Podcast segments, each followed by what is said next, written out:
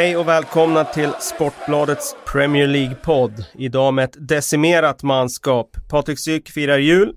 Jag och eh, jag, Kalle Karlsson och Frida Fagerlund eh, sitter här i studion och ska försöka få till ett avsnitt. Det har varit mycket om och men innan vi kom hit till den här studion idag. Vi har ju inte direkt kläm på tekniken du och jag Frida. Men med hjälp av Patrik Syk på distans har vi fått hit en tekniker som har sett till att trycka på rec här. Så att bandet ska i alla fall rulla. Jag tror inte att jag har förstått Patrik Syks, eh, alltså hur viktig han är för den här podden förrän just idag. Man Eh, saknar inte kon först eh, den är borta ur båset eller vad man brukar säga. absolut, om man nu kan jämföra eh, Syk med en ko, så absolut, det, det håller jag med om. Han är viktig. Eh, hur har julen varit för din del?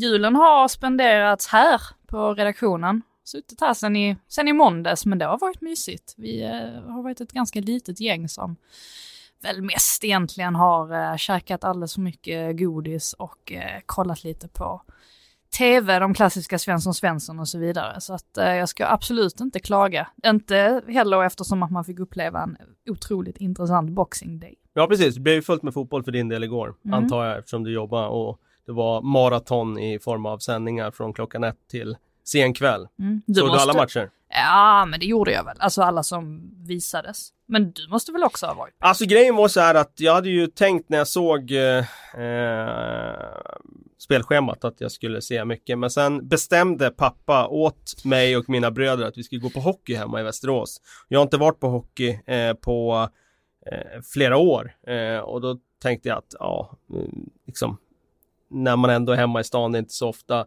eh, passar bra, det var Vika AIK, eh, det kan vara lite kul att bara gå på hockey en dag. Så vi gick och såg, så jag hann se ett par matcher först då innan hockeymatchen, men sen smög ju den sig in där och sen blev det förlängning och sen missade jag. Hur gick det i hockeyn? Alltså? Eh, vad sa du? Vem vann? Vik vände och vann. De, AIK Aha. var klart bättre i eh, tre och en halv period och sen eh, eh, stod det 0-2 med fem minuter kvar och det fanns ingenting som talade för att Vik skulle resa sig. Men då reducerade de och så kvitterade de och så blev det sadden och så avgjorde de. Det var inte alls rättvist men de vann Men, och den här spelades igår. igår. Hur kan jag ha missat det? Det är oklart, det kom en TT-text som vi la ut på sajten såg jag i alla fall så att eh, det, omvärlden noterar den men uppenbarligen inte eh, fotbollsredaktionen här uppe. Nej, precis. Nej. Men du, det var en hel del fotboll igår och det var ju en hel del matcher även eh, innan jul, eh, eh, eller julafton. Eh, så vi har ju en massa att gå igenom här och dissekera. Och eh, jag tänkte faktiskt att vi ska göra så som de gör i BBC, att vi har en running order här Mm. på olika lag. Eh, och eh, jag börjar med det som jag tycker är allra hetast just nu och det är faktiskt Tottenham. 6-2 borta mot Everton och sen följer de upp med 5-0 hemma mot Bournemouth. Om jag säger att Tottenham är Europas mest formstarka lag just nu, vad säger du då? Jag håller med och jag diskuterade lite med en person på, på Twitter, nu har jag tyvärr glömt namnet, men just om det där att vilken vändning de har gjort. Från att det faktiskt såg ganska bedrövligt ut och man tänkte nästan att vad, vad, vad ska det bli av Tottenham den här säsongen? Ehm, så har de ju verkligen de har klivit upp hur många hack som helst känns det som och precis som du säger så är de ju extremt formstarka. De är definitivt formstarkast i, i Premier League då, alltså bortsett från, från att Liverpool fortsätter Ja, att det vinna beror på när matcher. man, hur lång tid tillbaka vi tittar, men jag säger men bara exakt. två, tre veckor nu då. Ja, nej men jag håller med. Eh, det var ju en ganska tung inledning för dem. Har ju tjatat hela hösten om det här med VM-spelet och spelare som var trötta och sådär. De har ju faktiskt dragits med ganska lång skadelista nu eh, under en längre tid och ändå har de lyckats gå in i den här vinterperioden med en helt otrolig fart. Och om man tittar på eh, mittfältet till exempel så när säsongen startade så såg vi väl en Moussa Dembélé som skulle vara kvar där och regera. Men nu är det ju faktiskt en annan Moussa Sissoko Mm. som har klivit in och är ja, snudd på dominant nu i de här senaste segrarna. Hur ser du på hans eh, resa från att vara utskälld till att gå till att eh, nu vara en bärande spelare? Jag, jag förstår inte det riktigt faktiskt. Men kan det inte vara så också att när ett lag mår eh, bra, alltså när hela laget mår bra så är det mycket, mycket lättare att rent individuellt lyfta sig också. Ehm, jag tänker lite precis som du säger, just det där med VM-spelet, det, tog, det måste ju ha tagit väldigt hårt på, eh, på Tottenham på så sätt att det var många startspelare som var ganska eh, trötta. Men jag tror definitivt också att någonting som Spurs har visat verkligen, det är ju att trots att man saknar en sån som Trippier till exempel, då kommer det in en liten, liten yngling där helt plötsligt som, som levererar hur mycket som helst och som förmodligen, jag pratar givetvis om Kyle Walker Peters, och som kanske förmodligen borde vara mer given i startelvan hädanefter än vad han faktiskt har varit. Eh, det visar ju också en sorts styrka att man faktiskt få fram spelare eh, på det sättet. För det är väl det vi har kritiserat lite grann, eller som har varit till Tottenhams nackdel, att själva truppen inte är så bred, att det märks av när någon av nyckelspelarna saknas, alltså som Harry Kane eller yeah. Dele Alli eller, eller Christian Eriksson. Jag vet inte om du håller med mig? Jo, men det har väl alltid varit det där som eh, liksom har eh, lyfts fram för att eh, liksom som argument för att Tottenham inte ska nå hela vägen i ligan, inte ska kunna slåss på flera olika fronter. Men jag tycker också att de spänner musklerna när det gäller dels eh, Kyle Walker Peters, men så släpper de fram Skip nu som har kommit in och gjort några minuter här och där. Foyt spelar ju ganska mycket nu eh, när han roterar i backlinjen, spelar ju senast här. Eh, det finns ju spelare att eh, variera med nu på ett sätt som det inte har funnits tidigare och det är ju credit till Pochettino. Han vågar ju släppa fram dem och ganska ofta när de här spelarna får förtroende så har de ju en förmåga att växa i Tottenham. Det var ju så de liksom parerar hela den här eh, ja, risken för att åka ner i tabellens mittenskikt när det var några år sedan när de egentligen av, de hade inte så mycket val än att bara skicka ut de här gamla trötta spelarna som bara kostar massa pengar med Adebayor och de här och satsa på de här unga egna spelarna. Och nu gör de det i den starka situationen de är nu och nu tar de in eh, egenfostrade spelare och spelare, yngre spelare som kommer eh, som nu hjälper dem i form av att bli eh, ja, reserver och rotationsspelare. Jag tycker de har eh, starkare trupp nu än vad de någonsin har haft faktiskt. Just tack vare att de har en bredd som, som egentligen aldrig kunnat skryta med. Eh, utan sommarvärv. Utan sommarvärvning, utan egentligen en enda värvning i somras. Och det är ju, ja det är häpnadsväckande egentligen hur, hur de har kunnat nå den här positionen. För och då menar jag inte andra platsen i ligan utan bara att de är uppe på den nivån att de år efter år nu är uppe på topp fyra etablerat där ses, får ju säga som en titelkandidat med den formen de har nu. De ligger på andra plats i tabellen och de har klart mindre lönebudget än de andra konkurrenterna. De har klart mindre värvningsbudget och de har haft det egentligen i ja, de senaste tio åren och under de liksom åren som de har gjort den här resan upp och etablerat sig. Det går inte nog att liksom understryka vilken enorm prestation det är av Tottenham. Och från spelare till ledare till ordförande faktiskt, Daniel Levy också ska ju ha credit för att eh, de har lyckats med det här. Um, Men tar man för lätt på Tottenham? Ja, jag tror det. Mm. Jag tror det. Jag tror att vi alla har gjort det. Mm.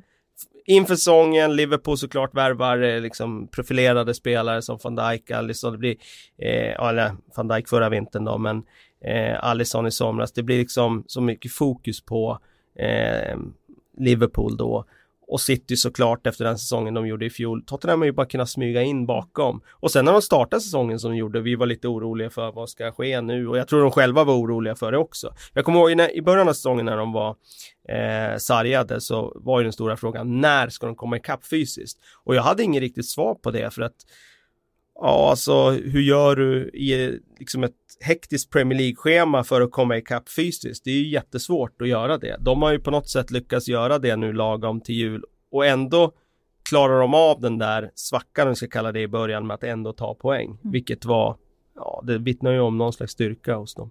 Frågan är hur länge det får fortsätta så här. Jag tänker att det är många som rycker i Pochettino. Han kanske känner snart att nu har jag gjort mitt i Tottenham. Han mm. sa ju själv att efter så här många år så är det inte så konstigt att det börjar ryktas om att jag ska till andra klubbar. Uh, Harry Kane känns väl som att han faktiskt kommer vara kvar, men Christian Eriksen sitter och vill inte skriva på något nytt kontrakt riktigt. Jag kan ju tänka mig att både Real Madrid och Barcelona är eh, ganska sugna på en Eriksen. Eh, jag kan tänka mig att Harry Kane eh, är kvar i Tottenham så länge Pochettino är det och han är förmodligen det även efter det men den dagen Pochettino lämnar, för det utgår jag från att han gör förr eller senare, då tror jag att i alla fall Kane eh, kommer att överväga tanken och liksom ta det där kontraktet i Mm. Real Madrid om det dyker upp i det läget. Men eh, där är vi inte nu. Nu är vi snarare i en situation där allting bara flyter på för Tottenham och eh, de har ju dessutom en anfallare nu som en av ligans absolut mest formstarka spelare i Son. Eh, och eh, hur ska de klara sig utan honom nu i januari? För han kommer ju lämna för asiatiska mästerskapen.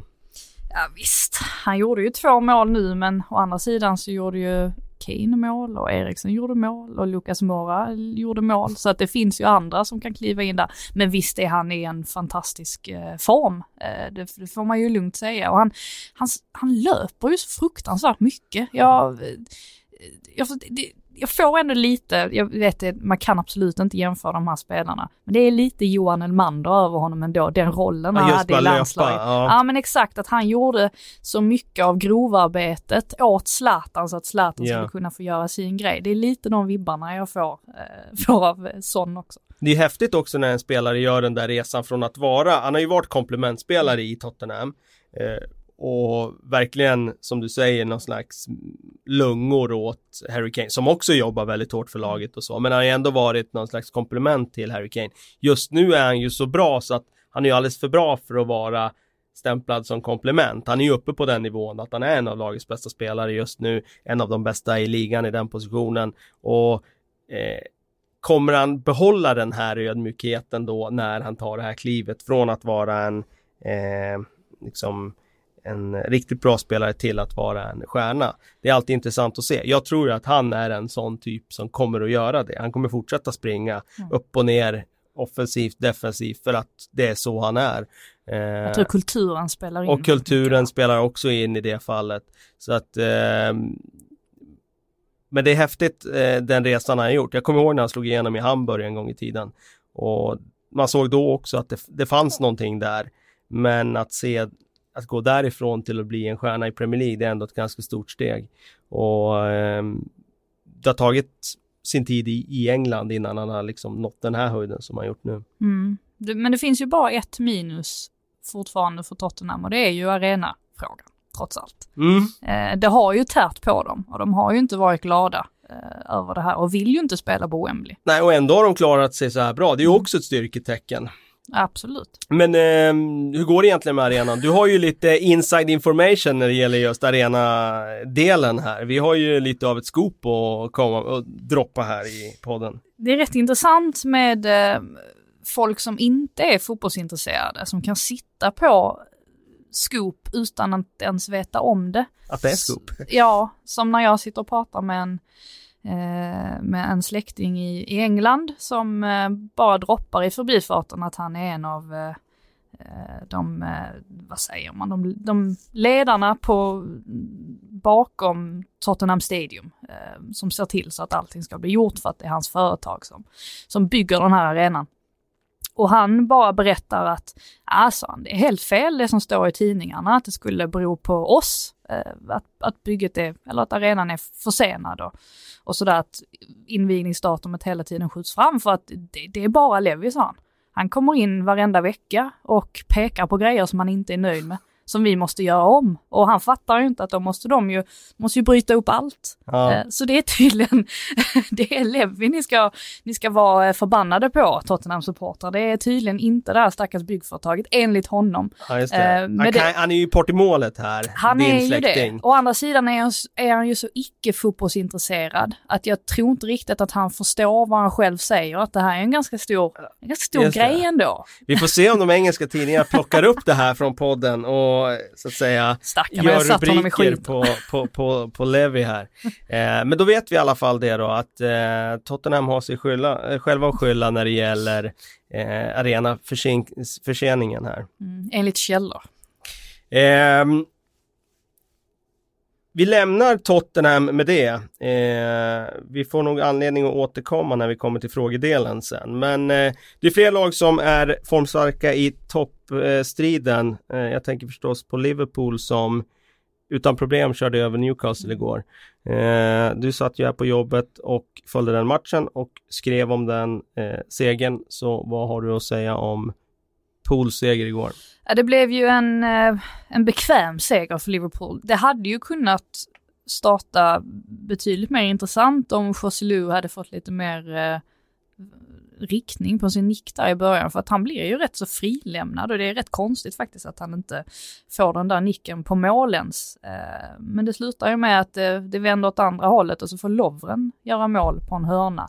Helt eh, frisläppt, jag har aldrig sett ett sånt eller jo, det har jag, men, men det var ett otroligt taffligt eh, försök till markering. Det var liksom tre, tre Newcastle-spelare tror jag i, eh, som bara står och tittar boll och följer med bollen och så lämnas Lovren helt fri att bara kunna dundra in det där första målet. Eh, sen är ju 2-0 målet blir ju lite eh, problematiskt på så sätt att Salah får en eh, straff där han förstärker eh, väldigt, väldigt mycket eh, som man kan se på reprisbilderna. Och det, det startade ju en hel diskussion eh, efter det här för att jag var ganska kritisk när jag skrev och tyckte liksom att det här måste, det här måste bort från fotbollen. Eh, jag skrev att Dammets hand är absolut uppe och han, han drar väl lite grann i, i tröjan. Yeah. Men jag tycker ändå någonstans att det ska inte få vara så enkelt att få ett matchavgörande moment ändå som den straffen ändå blev. För att även om Liverpool var totalt överlägsna i den matchen, totalt sett,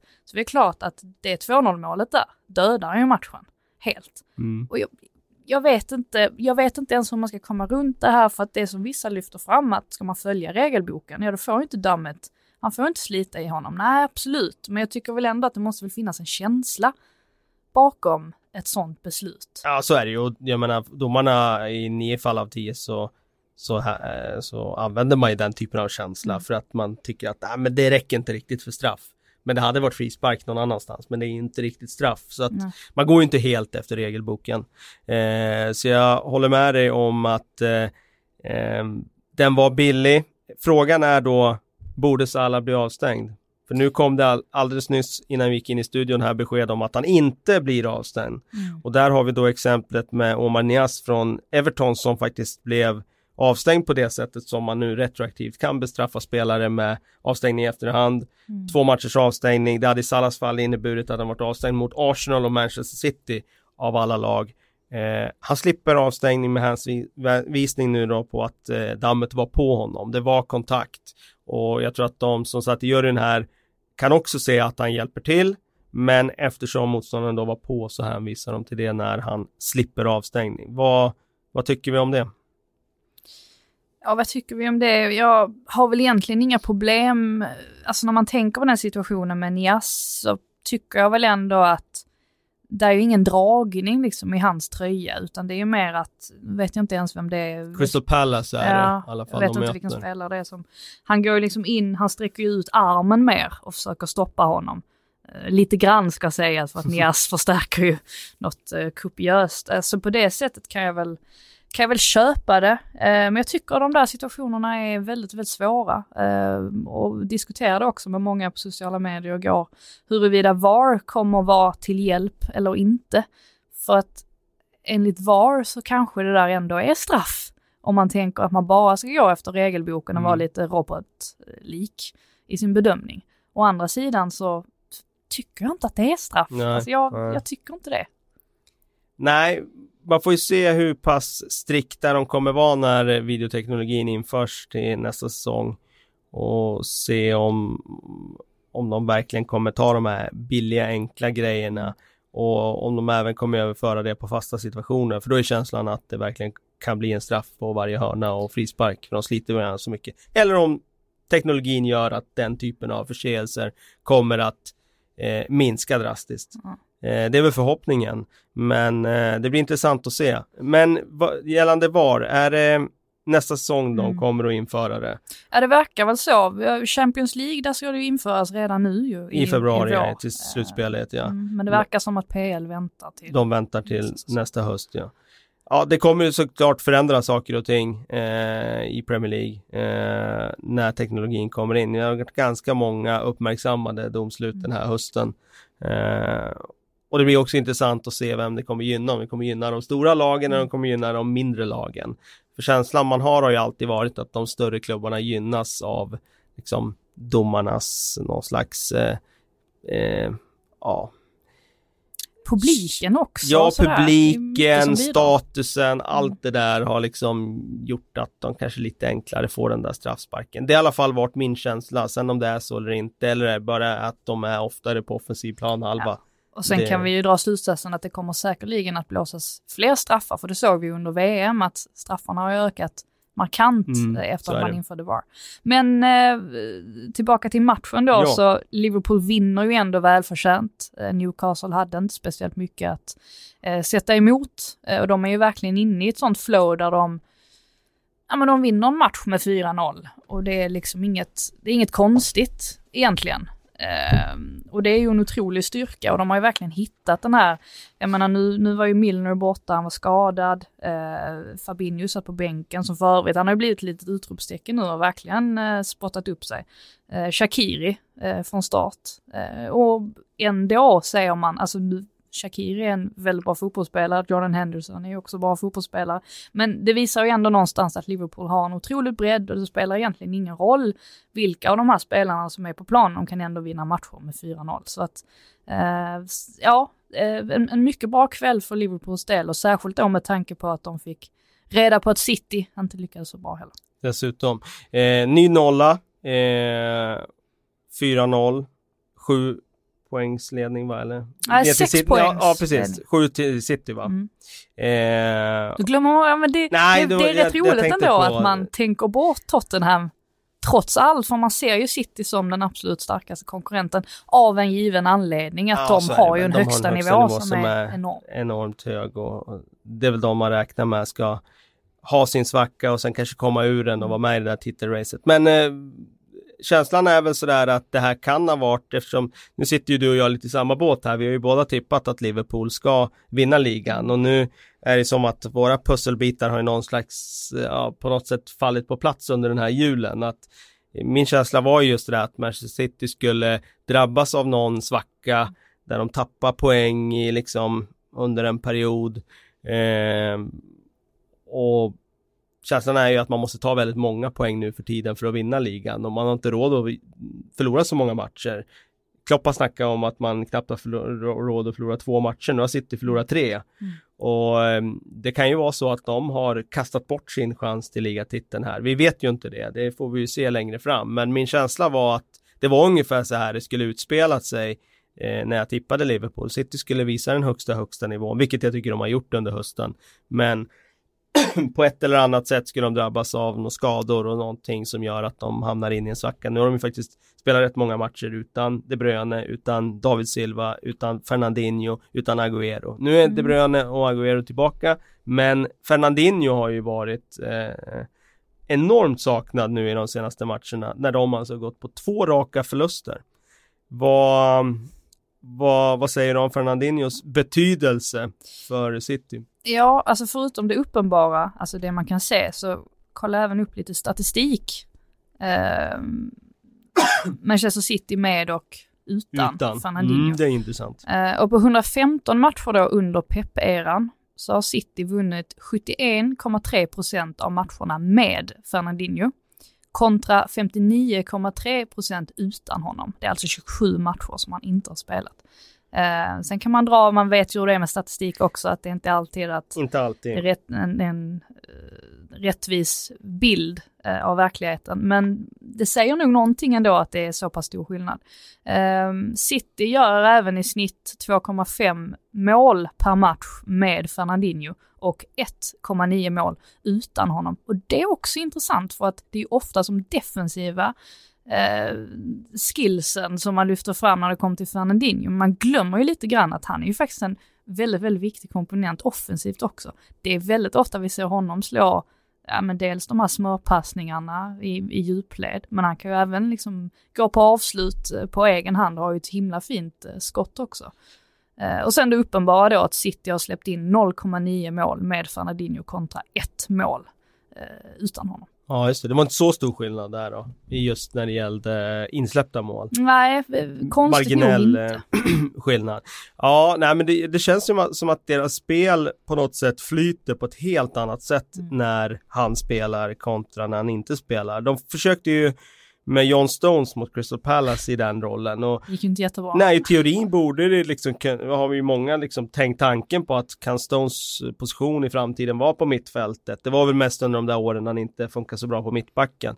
Eh, men det funkar inte alls bra mot Crystal Palace. Och nu var Gündogan eh, i startrollen där och mot, mot Leicester. var inte alls heller samma flyt i spelet som det var eh, tidigare under hösten. Jag tycker att om vi börjar med matchen mot Crystal Palace så var ju den eh, på något sätt, för mig var det någon slags eh, eh, referensmatch nästan för Manchester City. De har ju skakats av Lyon i Champions League under hösten och så tycker jag Chelsea i andra halvlek där på Stamford Bridge när de vann den att de någon slags hittade ett sätt att såra City som var första gången som något lag i England hade gjort det och vi pratade ju om det i podden då om det, hur kommer det påverka och så vidare.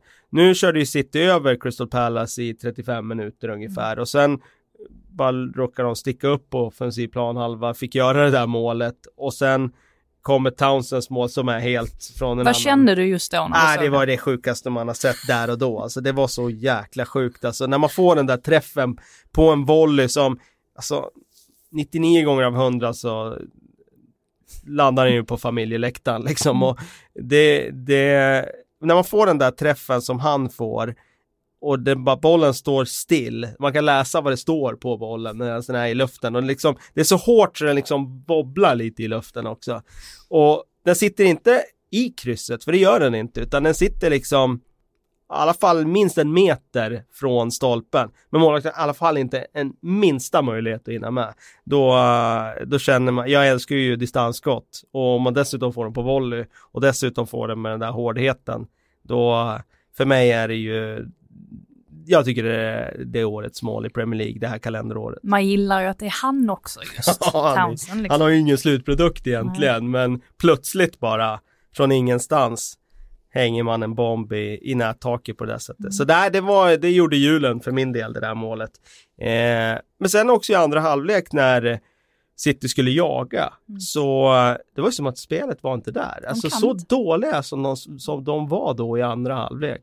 Det var, ja, det var häpnadsväckande att se faktiskt. Att från att ändå ha det där spelet som bara flyter och tar sig till chanser och visst man kan förlora matcher och så vidare. Men eh, gå därifrån till att nu funkar det verkligen inte.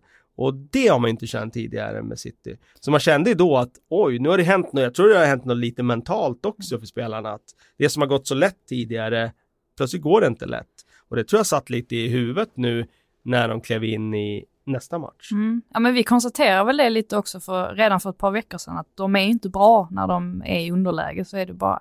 Och det, det märktes lite också för att Guardiola efter Leicester-matchen nu så gick han ju ut och sa att bara vi får en vinst, Mm. bara vi får en vinst så Mm. det, kommer allting vara lugnt. Och då refererar han väl till just den där psykiska, mentala biten att de behöver bara liksom komma på vinnarspåret igen Mm. så är det lugnt. Mm. Men du kollade lite grann på, på Leicester-matchen Mm. eller?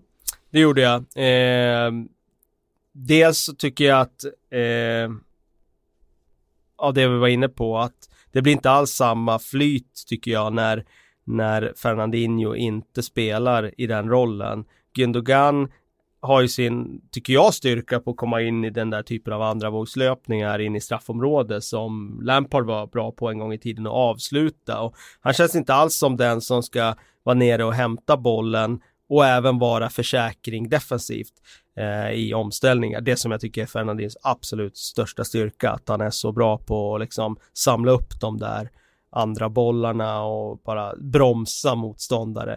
Faktiskt med de ganska cyniska frisparkar som man tar rätt ofta. Men eh, det tycker jag liksom, den dimensionen har de inte. Sen har inte Sané och Sterling varit nu de här senaste två matcherna varit på den nivån som de har varit tidigare. Eh, de har ju, eh, Sané var ju bra i kvart 20 minuter mot Chelsea där på Stamford Bridge, men sen plockar ju Asip Aspilicueta ner han i bakfickan och sen dess har ju inte han riktigt eh, kommit tillbaka. Minns jag inte hans match mot Everton. Han gjorde några avgörande. Han gjorde något fint inlägg mot Everton där gjorde han ju. Eh, den matchen var han väl bra i. Men eh, de här två senaste här har inte alls eh, liksom det här, sett det här kantspelet från City där de slår sina motståndare och liksom skapar chans på chans.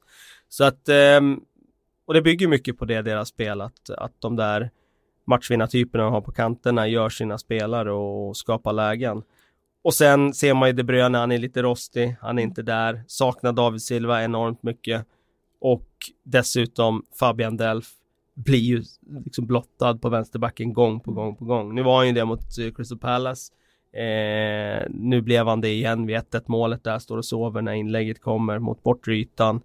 Och de försöker nu med liksom att få in han som inne mittfältare så mycket som möjligt. Men eh, ja, eh, det är ju alltid sådär att man ifrågasätter ju inte Pep för att han vet ju bäst. Men det är ju uppenbart att Delf på vänsterbacken mm. blir sårad eh, eller sårbar där.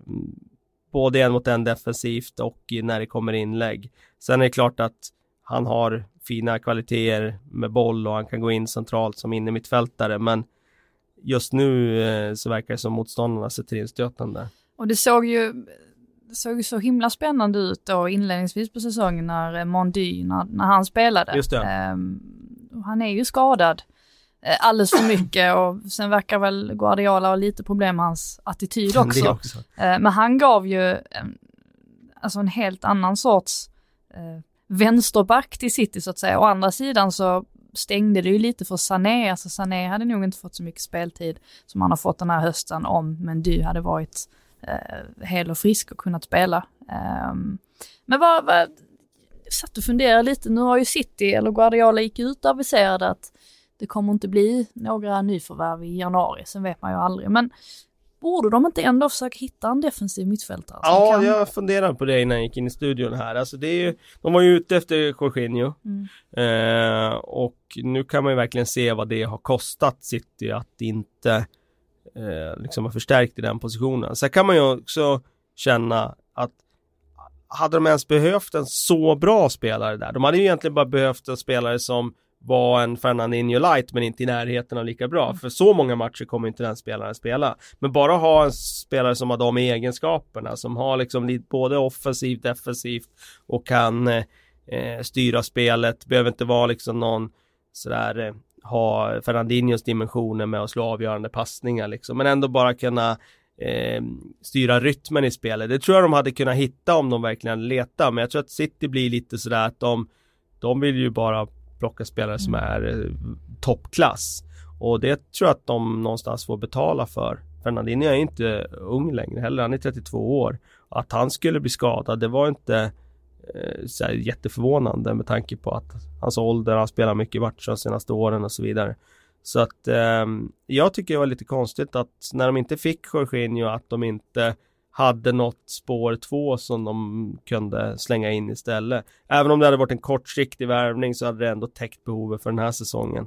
Jag tror Guardiola är väldigt kräsen när det kommer till spelare. Det är ju säkert så. Det är ja. ju säkert så. Han har säkert en mall för exakt hur han vill att den spelaren ska vara. Och har inte spelaren det, då, då struntar han i det. Och det, ja, det finns ju inget rätt eller fel där. Det man kan konstatera är att när de gick in i den här säsongen och du och jag och Psyk satt här i poddstudion inför säsongen och vi skulle försvara varför vi hade tippat Liverpool som som mästare så vet jag att vi nämnde att de är sårbara City om Fernandinho skulle bli skadad och nu har han blivit skadad och de har förlorat två raka matcher mot Crystal Palace och Leicester och Liverpool har ryckt i tabelltoppen så att det var inte så svårt att se det här scenariot framför, mig, eh, framför sig, tycker inte jag i alla fall. Borde de inte gå all in efter eh, en sån som Frankie de Jong? Mm, en exakt. ung spelare. Det har ju ryktats om Frankie de Jong och Barcelona och intresse från City. Jag håller med dig.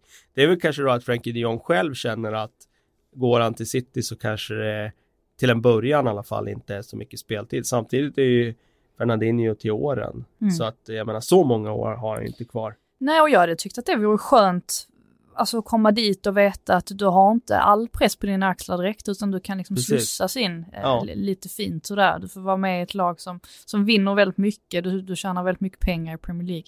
Inte så mycket, nu försöker jag sälja in Premier League här åt Frankie de Jong. men jag, eh, men det hade varit fint att se honom i Premier League mm. för det mm. känns som att det är en spelare som verkligen kan. Och han, det känns som en Guardiola-spelare också, alltså när man ser honom spela, så sättet han um, alltså inte bara han flyttar boll utan han är ju även väldigt duktig på att öppna upp ytor för sina, sina medspelare. Att han liksom, han drar på sig markering och så öppnar han upp liksom en yta framför sig åt sina lagkamrater. Det känns yeah. som en, en spelare som Guardiola verkligen, verkligen hade kunnat eh, alltså jobba med ja, eh, på det. riktigt och utveckla ännu mer. Ja. Eh, ah, jag, jag, jag, tror, jag tror att de är intresserade. Jag tror bara det att eh, det blir en huggsexa och det blir, kommer bli dyrt, exakt. Eh, men det är intressant också, Peppan eh, såg ju lite svarslös ut när han fick frågan efteråt om hur, hur han ska liksom lösa den här lilla krisen som de har hamnat i, eller självförtroendekrisen i alla fall. Och han sa att de skulle jobba hårdare, det brukar vara standardsvaret, det mm. brukar nog vara svaret när tränaren egentligen bara vill skjuta bort frågan för att eh, ja, jag vill inte berätta vad vi ska göra. Eh, men han pratade också om att han skulle vara upp till honom att hitta en ny dynamik och vad den innebär i hans fall, det vet man ju aldrig för han är ju en innovatör. Men eh, det blir svårt att förutspå laguppställningen till nästa match. Jag mm. tror att eh, han kan hitta på någonting nu för att göra någonting som som chockar nästa motståndare. Jag tror att det var 15 borta de har på, på söndag. Mm. Så det blir Hassenhüstels problem. Vad, vad tyckte du om Klopps eh, svar när han fick frågan?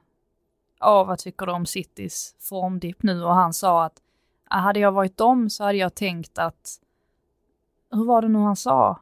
Han, han hade tänkt det som att de har ju inte mötts än, alltså Liverpool och City, den matchen ligger framför dem. Eh, och att han hade fokuserat då på nu faller hela den här grejen för jag kommer inte riktigt ihåg vad han sa. Ja, det faller ju lite men... om du inte kommer ihåg, det kan jag hålla med om. men det var, det var någonting om att han ska tänka att det är bara den matchen som gäller någonting egentligen. Att det, den har de fortfarande inte. Där... ja, det var ju, det var ju oerhört, om det var så han sa så var det oerhört intressant av Klopp. Det han säger då det är att det spelar ingen roll om City tar noll poäng fram till det, men vinner de den matchen ge mig, så... Uh, ge mig fem sekunder. Fem sekunder, fem, fyra, jag leta upp det? Ja. Vi... Eh, en väldigt stark podd just nu när Frida letar fram vad Klopp egentligen här, sa. Här. Jag hade tänkt att det bara skiljer fyra poäng till Manchester City. Ja okej, okay. han ja, tänker han menar att, så. att de vinner den matchen. Exakt. Ja okej, okay. ja, det var lite annorlunda eh, än vad du lanserade från början. Ja, nej men det, så kan man ju tänka liksom att man har ju ändå den chansen att äta kapp ja, tre den, poäng Den matchen liksom. är fortfarande kvar och det hänger Precis. väldigt mycket på det. Precis, och då eh, så det är väl någonstans där man får gjuta in eh, mod i spelarna liksom. Eh, man får tänka på det också att Liverpool kan nog ha en tendens också att kryssa rätt många matcher. Var på City kanske vinner de då sina matcher. Alltså sådana grejer. Absolut, nej men den, det, det, det finns absolut eh, den möjligheten att, att det blir så man kommer in i en period, kryssa två matcher i rad eller kryssa tre matcher i rad. Då går det ganska fort att äta ikapp poäng. Eh, samtidigt så, det är väl den här känslan med Liverpool om de har haft sin svacka mm. eller om den eh, kommer här i vår. Den kanske kommer att det är två, tre matcher där det går lite sämre, men eh, de har ju haft en faslig förmåga att ändå vinna de där matcherna när det inte har sett så bra ut. Och det någonstans kännetecknar ju ett mästarlag. Man ångrar inte sitt tips nu i alla fall. Nej, det känns väldigt, väldigt bra, väldigt bekvämt. Men du är inte en av dem då som, som hävdar att det är Solskär-effekten som smittar av sig på, på City också, att det finns någon sorts, något, något liksom, någon några högre makter som, som ligger bakom det här att United helt plötsligt går jättebra och så går City jättedåligt. Och... Nej, Nej den, det har inte slagit mig. Däremot så kan man ju se att det är en ganska stark Solskär-effekt eh, på andra sidan stan där. Mm. Eh, två raka segrar nu, åtta mål på två matcher. Pogba på nytt född, får man ju lugnt säga. Från att vara iskall och bänkad och eh, ute i kylan till att nu vara eh, ja, den viktigaste spelaren ska jag säga utifrån hur de har börjat spela. Eh, målskytt, Eh, dubbelt upp dessutom och eh, spelar plötsligt som om ja, att den där José Mourinho eh, inte överhuvudtaget existerade. Fanns det inte ett litet underliggande hån ändå, eller en liten passning när Solskär pratade om Pogba på presskonferensen efteråt och pratade om honom som att ja, men det här är Pogba och eh, Pogba är United, pratade han var väldigt sådär och det kändes liksom som att det var ytterligare en passning mot Mourinho att det här låg på dig, det här låg inte på Pogba. Det är ju annars en diskussion som också har blossat upp väldigt mycket huruvida hur mycket ansvar har spelarna egentligen? Mm. Alltså hur kan det se så här bra mm. ut? Det är inte att Solskär är en av världens bästa tränare, Nej. än i alla fall, det är han absolut inte. Men trots det så ser det så här mycket annorlunda ut. Alltså vad, vem hänger det på? Ja, eh, nej men man kan ju se när de vann första matchen mot Cardiff där, då var det ju verkligen en Mourinho out-effekt som, som syntes snarare än något annat. Men alltså det finns ju olika typer av eh, tapp eller liksom tränarrokader. Det kan ju vara eh, en tränarrokad när spelarna fortfarande har förtroende för sin tränare och då brukar det inte bli så stor skillnad. Här är det ju verkligen det här extremfallet där tränaren verkligen har tappat omklädningsrummet. Han kanske hade ett par allierade, Nemanja Matic och någon till. Eh, men det är så många här som har gått i clinch med honom och då, eh, vad har de för ansvar? Ja, de har ju fortfarande 50 till 100 miljoner i årslön för att prestera för sin klubb. Men eftersom det är så mycket mentalt som spelar in, så även om de vill göra det, det är klart att när Pogba spelar match under José Mourinho, det är inte så att han tänker att nu ska jag spela dåligt för att jag gillar inte min tränare, men det bara blir så mm. automatiskt. Och jag tror att det enklaste är att säga eh, till de som lyssnar är ju att nästan alla som lyssnar på den här podden har förmodligen spelat fotboll någon gång i sitt liv.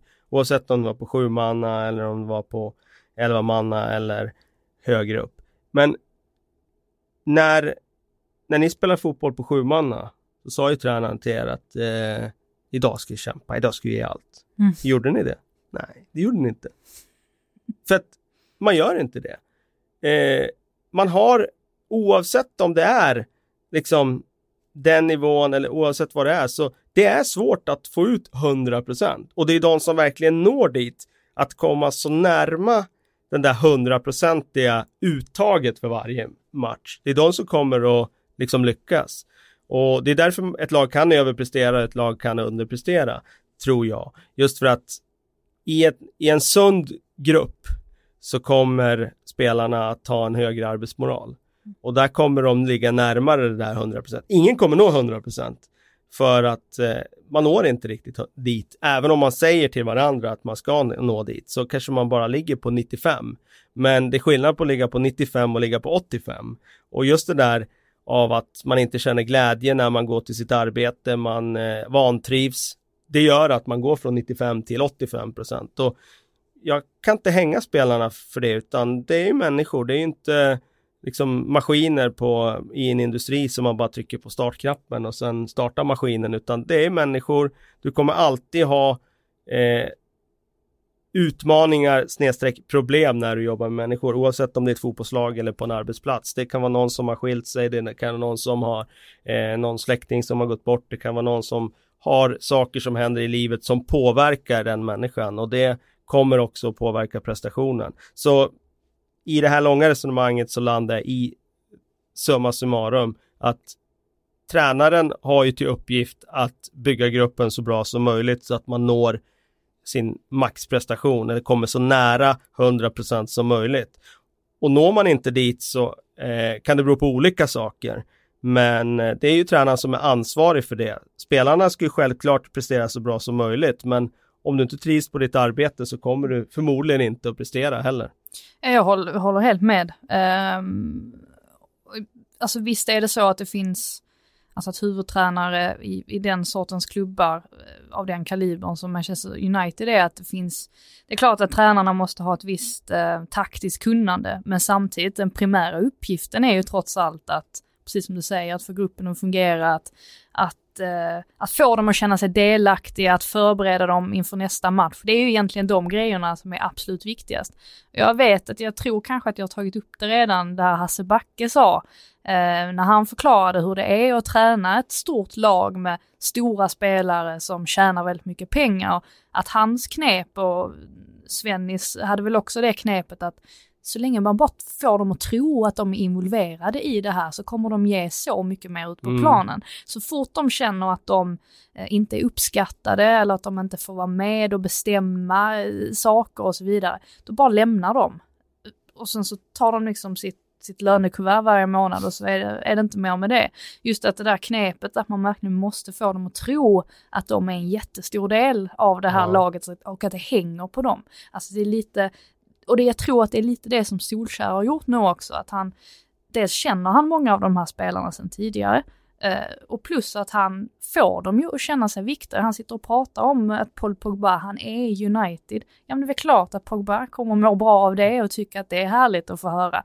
Till skillnad då från Mourinho där han var ett virus istället. Där fick han höra att han var ett virus. Det blir ganska stor skillnad liksom i budskap. Och jag menar det är självklart att när Solskjaer kommer in så hans strategi är ju nu måste jag bygga upp de här. Nu måste jag bara berätta ut utåt här och liksom berätta vilka fantastisk trupp vi har att jobba med här. Vilka fantastiska spelare vi har här och vi har egentligen allt och Pogba är en världsklasspelare men de måste jobba hårt också. Jag tycker hans surr har ju varit eh, liksom, han har sagt det som man kan förvänta sig och det som, som de här spelarna behövt höra. Eh, han var väldigt tydlig med det där. Det finns ingen anledning, alltså inget lag, inget Manchester United-lag ska eh, bli outrun, alltså, eh, eller liksom att motståndarna ska inte kunna jobba hårdare än vad ett Manchester United-lag gjort. Hittills fram till han tog över hade de inte sprungit mer än sina motståndare en enda match. Och så möter de Cardiff och så springer de i hans första match mer än vad motståndarna gör. Där ser man ju just den där dynamiken att det blir sån stor skillnad. Sen finns det ju en annan aspekt i att de pressar ju högre i den här matchen än vad de har gjort i många matcher och det är klart att pressar du högre så springer du mer. Men det är ju uppenbart att det är någonting som har släppt från deras axlar och att de spelar med betydligt mer frihet. De tycker det är roligt att spela fotboll nu igen och det tyckte de inte tidigare utan de var alldeles för inlåsta. Det är uppenbart tycker jag att de slår ju betydligt fler passningar framåt i banan än vad de gjorde förut. Det var så mycket sidled och det var sidled. Det var inget tempo. Nu är det liksom Ja, jag spelar bollen framåt och försöker hitta på något. och Om inte det lyckas så är inte det hela världen. Vi tar tillbaka bollen istället. Eh, Medan förut var det mer det här risktänket att jag får inte göra det för att om jag gör det så kanske vi tappar bollen. Och jag menar bara, bara uppställningen de hade i den här matchen, alltså den var ju så offensiv så det var helt otroligt. Det var ett mittfält med Fred och Matic, Pogba 10, Mata till höger, Rashford, Lingard. Jag menar, det var ingen Fellaini, det var ingen Herrera, liksom. Och Dalot högerback som jag tycker är liksom, han är ju egentligen mer ytter än vad han är högerback i, i sina egenskaper. Eh, så det, och det tycker jag också var, jag menar varför ska Manchester United hemma mot Huddersfield, varför ska de ha Fellaini på planen och ska skapa saker framåt? Det är där tycker jag Mourinho har gått helt fel i, i sin roll i Manchester United. Han har inte förstått att men det är ju Manchester United. Mm. Varför ska de anpassa sig efter motståndare för? Och där tror jag Solskär bara, han kommer bara helt tänka bort det. Det är bara blåsa på framåt. Och därför tror jag att när vi kommer in här i våren, han kommer få smekmånad nu, de har lätt schema, de kommer vinna matchen nu, men när vi kommer in i våren, han kommer få tufft i toppmatcherna. Mm. Jag tycker fortfarande att truppen, centralt är de inte tillräckligt bra. Matic, jag är inte övertygad, går för sakta. Fred, jag är inte övertygad där heller. Så jag tror att de kommer att spola undan de här sämre lagen, men när de möter de topp motståndet så tror jag att de kommer få tufft under Solskär. Tror du han kommer ändras?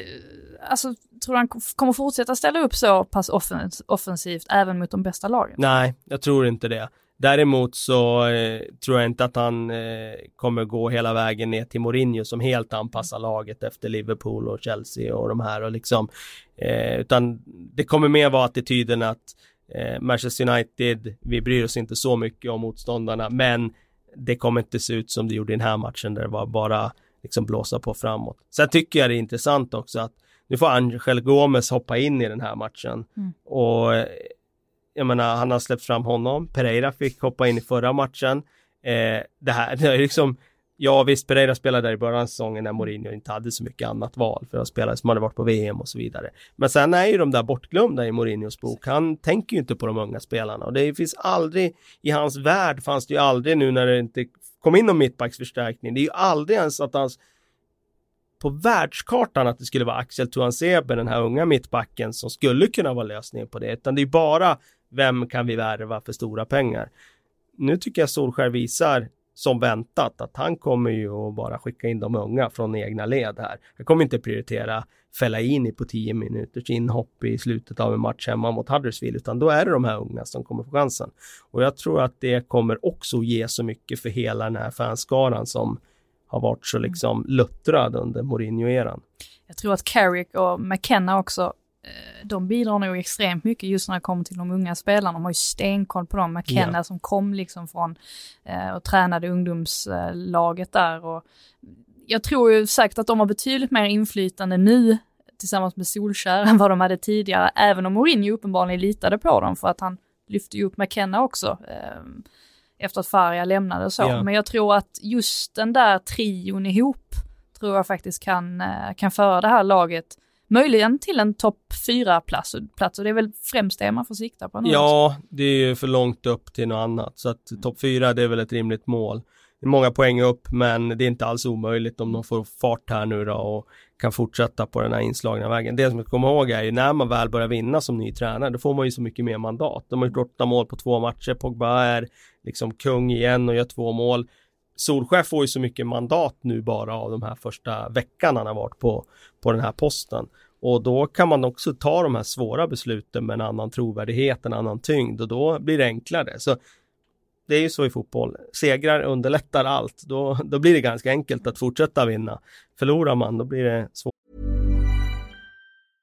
Want flexibility? Take yoga. Want flexibility with your health insurance? Check out United Healthcare Insurance Plans. Underwritten by Golden Rule Insurance Company, they offer flexible, budget-friendly medical, dental and vision coverage that may be right for you. More at uh1.com. Mm. Nu måste vi nästan gå till London va? Ja, vi ska gå vidare. Vi ska gå vidare till Chelsea som uh, mötte Watford igår och det var mm. stor eh, show från lagets stora stjärna. Eden Hazard var matchvinnare på Vicarage Road och eh, frågan är, har han hittat sin plats nu som anfallare? Ja det har han kanske. Jag gillar ju inte att ha honom sådär längst fram. Jag tycker ju det är härligare att se honom lite mer släpande. Eh, men har man inga alternativ så, så är det inte mycket med det. Tyckte det var lite roligt när Sarri fick frågan inför matchen. Eh, just om Morata, liksom är han, är han fortfarande skadad och sådär. Och Sarri bara svarade att nej, det här var beslut bara. Liksom. Ja, alltså, jag tog. Det var, det var inte mer med det. Eh, tycker väl att de nog, eller jag antar att de kikar på en anfallare eh, redan nu. De borde ju i alla fall göra det för att det, det kommer inte hålla. Ja men exakt och det, det kommer inte hålla i längden och med tanke på hur Iguain ser ut i Milan just nu så kanske de, de inte har någonting emot att skeppa iväg honom. Nej, men det får vi se. Um, Hazard, det kom ju rykten redan samma dag, visserligen från Daily Star som man absolut inte ska tro på, eh, som hävdade att eh, Hazard redan är överens med Real Madrid. Eh, väldigt intressant då att Hazard står efter matchen och han gjorde ju sitt eh, hundrade och sitt hundraförsta eh, klubbmål och han stod och sa att det kommer komma fler mål för att jag vill bli en legendar likt Drogba, eh, sa han Lampard ja, också antagligen. Också, ja. och jag tror han drog till med Terry också faktiskt. Okay. Eh, men det visar ju, absolut det kan bara vara ett spel för gallerierna, men sen samtidigt så står du verkligen och säger så om du har du är överens med Real Madrid. Det är taskigt så ja, Det gav ju i alla fall nytt hopp till. Chelseas fanskara som eh, såklart hoppas att han ska bli kvar. Det har ju varit lite mixade budskap från Hazard om man tar från VM och framåt. Så jag vet inte riktigt vad man ska läsa in av olika saker. Men det var väl längre. innan Sarri ändå? Ja, det var det, det ju. Det var det. Eh, och det är uppenbart att han trivs nu. Och, jag menar, jag har ju också varit tveksam till honom i den där rollen som anfallare och så, men nu som han spelar nu, det känns som att han blir mer och mer tillbaka, eller att han kommer djupare och djupare i plan för varje vecka som går. Mm. Nu är han ju som Messi var när han spelar i den där rollen, alltså han, han är ju en falsk nia, han är ju inte där utan han kommer ju ner och hämtar bollen jättelångt ner ibland och bygger upp spelet. Och så kommer han liksom in som Messi i den andra vågen och avslutar anfallen också. Så att eh, eh, jag har liksom funnit mig vant mig vid tanken nu att ha honom där. Sen tror jag ändå att Chelsea skulle bli ännu bättre om de skulle få in en riktig striker som öser in mål. För då skulle jag kunna ha Hazard på en kant som eh, skapa väldigt mycket från den positionen. Men eh, det är uppenbart att spelar man honom där framme så kommer han göra poäng, mm. för han kommer närmare målet och nu har han gjort 10 mål och 9 assist, alltså 19 poäng, mest av alla i Premier League tror jag, när det handlar om poängproduktionen. Så eh, han har ju gått från att vara den här spelaren som är väldigt flashig och gör väldigt många häftiga saker till att även bli väldigt effektiv. Och det tycker jag är häftigt för jag gillar honom skarpt men jag alltid efterlyst den sidan hos honom att bli mer spetsig. Mm. Jag tror väl, såg någon statistik på att han har skapat flest chanser. Ja, överlägset. Ja, överlägset ja, flest jag tror det. Och det gjorde han ju igår också. Mm. Spela Frank Kanté där till något läge som han sumpade och för det var ingen, det var ingen höjdarmatch. Nej övrigt. det var det inte. Det var det inte och det är väl alltid ganska svårt att möta Watford. Mm. Alltså det är väl sällan man eh, så ser någon champagnefotboll mot dem. De är stora, de är tunga och det kunde ha gått lite hur som i den här matchen. Men de hade Hazard och det räckte för att gå hem med segern. Viktig mm. seger för Chelsea som mm. förlorade senast. Före Arsenal nu i, i tabellen också. Ja, precis. Och eh, det hade varit, det hade kunnat vad ska jag säga, börjar skaka lite under Sarri nu, för han fick, fick kritik efter förlusten mot Leicester här, tycker jag. Som man inte har känt tidigare att han har fått. Att det börjar tvivlas lite i supportleden. Jag tror de blev lite bortskämda i början av säsongen när det gick för bra. När det gäller Arsenal då, eller var det något mer du ville tillägga på Chelsea? Nej, Nej, vi kan gå vidare Vi kan till gå vidare till Arsenal. 1-1 hemma mot Brighton var inte vad de hade hoppats på. Eh, Özil utbytt i paus. Och eh, kanske första gången nu då som, som MRI får eh, lite tuffare frågor att besvara. Mm. Ja, det var ingen bra match alltså, från, från Arsenals sida. Och Özil, alltså vet vi har ju tagit upp detta hur många gånger som helst, men hur kan man vara ett sånt spelgeni som man ändå är och samtidigt försvinna så i matcher som han har en tendens att göra. Det är, det är, det är otroligt märkligt eh, och det är synd för att hade han inte haft den benägenheten att försvinna, eh, då hade han ju fått mer cred för det han gör. Nu blir det ju på något sätt att det överskuggar hans eh, fantastiska framspelningar eller eh, hans speluppfattning och så vidare. Um, ja, vad ska man säga? Det börjar ju redan muttras liksom, precis som du säger, eh, i Arsenal led. Alltså, de, de var inte nöjda med inledningen, det kan man förstå. Eh, samtidigt så, sen hade man den här streaken på, vad blev det, 22 matcher till ja. slut eh, utan förlust och nu börjar det gå lite, lite halvtrögt igen. Men de är ju trots allt inne i en process. Och det här får man väl lite räkna med då, att det går lite upp och ner. Ehm, alltså Emery är ju inte färdig, han har kommit en ganska bra bit på vägen ändå. Han har väl ett ungefär hum om vilken startelva som är hans liksom, första startelva, men det finns ju fortfarande en del frågetecken. Och jag menar, inte minst försvarsmässigt så är det väl kanske en del man måste göra också. Jag tror att han har en ganska bra bild av vad han behöver åtgärda i transferfönstren mm. som kommer nu också för att kunna ta nästa steg med det här laget. För det är fortfarande några bitar som fattas. Jag håller helt med dig om att man får, man får köpa att Arsenal eh, är inte där ännu. Hade man inför säsongen sagt att de kommer att gå 22 matcher i rad utan förlust här under hösten. De kommer ligga femma i ligan, de kommer ha eh, ja, i alla fall bra häng på en fjärde plats. Mm. Och även tidigare faktiskt häng på bättre än så, då tror jag att Arsenal-fansen hade tagit det rakt av faktiskt. Mm. Eh, för eh, det finns ett så pass stort renoveringsarbete som, som behöver göras att man kan inte förvänta sig att de ska vara högre upp och, och hålla över tid.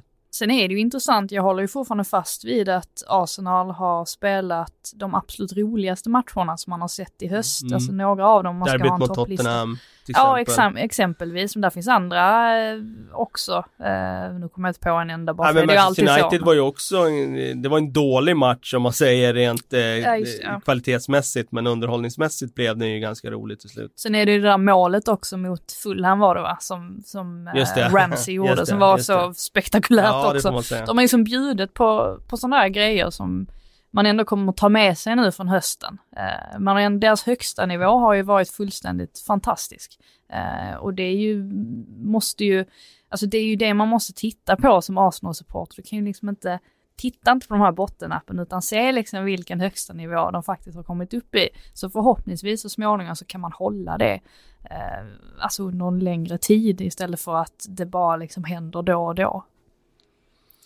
Eh, vi får anledning att återkomma till Arsenal mer, eh, för de spelar nämligen på lördag, eh, mm. nästa omgångs toppmatch borta på Anfield mot Liverpool. Så då kommer vi nog att eh, återkomma till Arsenal. Tänkte vi skulle gå över på mer London här i form av Fulham som Dels då spela 0-0 mot Newcastle. Det beskrevs som den tråkigaste matchen den här säsongen mellan två eh, riktigt svaga lag. Eh, den tror jag vi kan lämna därhän. Men de inledde ju faktiskt Boxing Day med att spela 1-1 mot Wolves. Och mm. nog har man sett att eh, det har blivit en förändring med, med Claudio Ranieris intåg. Ja, och Mitrovic skulle ju ha gjort något mål där, eh, åt, åtminstone ett.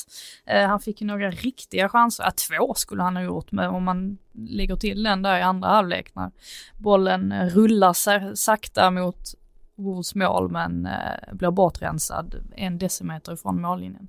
Eh, jag tycker också det ser bättre ut. Sen är det ju Wolves som eh, som har det mesta av bollinnehavet. så är det ju. Ja, men känns ändå inte riktigt farliga. Eh, där kan vi snacka om att man spelar i sidled hela tiden. Jag tycker inte att Wolves, eh, den här sista passningen blir sällan rätt. Um, man förlitar sig väldigt mycket på Jiménez som, som är längst fram och att han ska göra en massa grejer. Vid ett tillfälle så är han ju faktiskt nära att få till värsta konstsparken där när han ja, liksom tar ner snyggt. bollen spektakulärt. Men i övrigt så tycker jag man slår bort alldeles för många bollar. Uh, man försöker, uh, när man har stått och, och, spelat i sidled x antal uh, passningar så försöker man sig på att slå en boll bara i, i djupet och så blir det helt fel gång på gång på gång på gång. Så jag tycker väl samtidigt inte att de, de hotar inte speciellt mycket ändå. Um, men sen kanske det är Fulham som gör det bra också för att deras defensiv har ju sett fruktansvärt skakig ut också.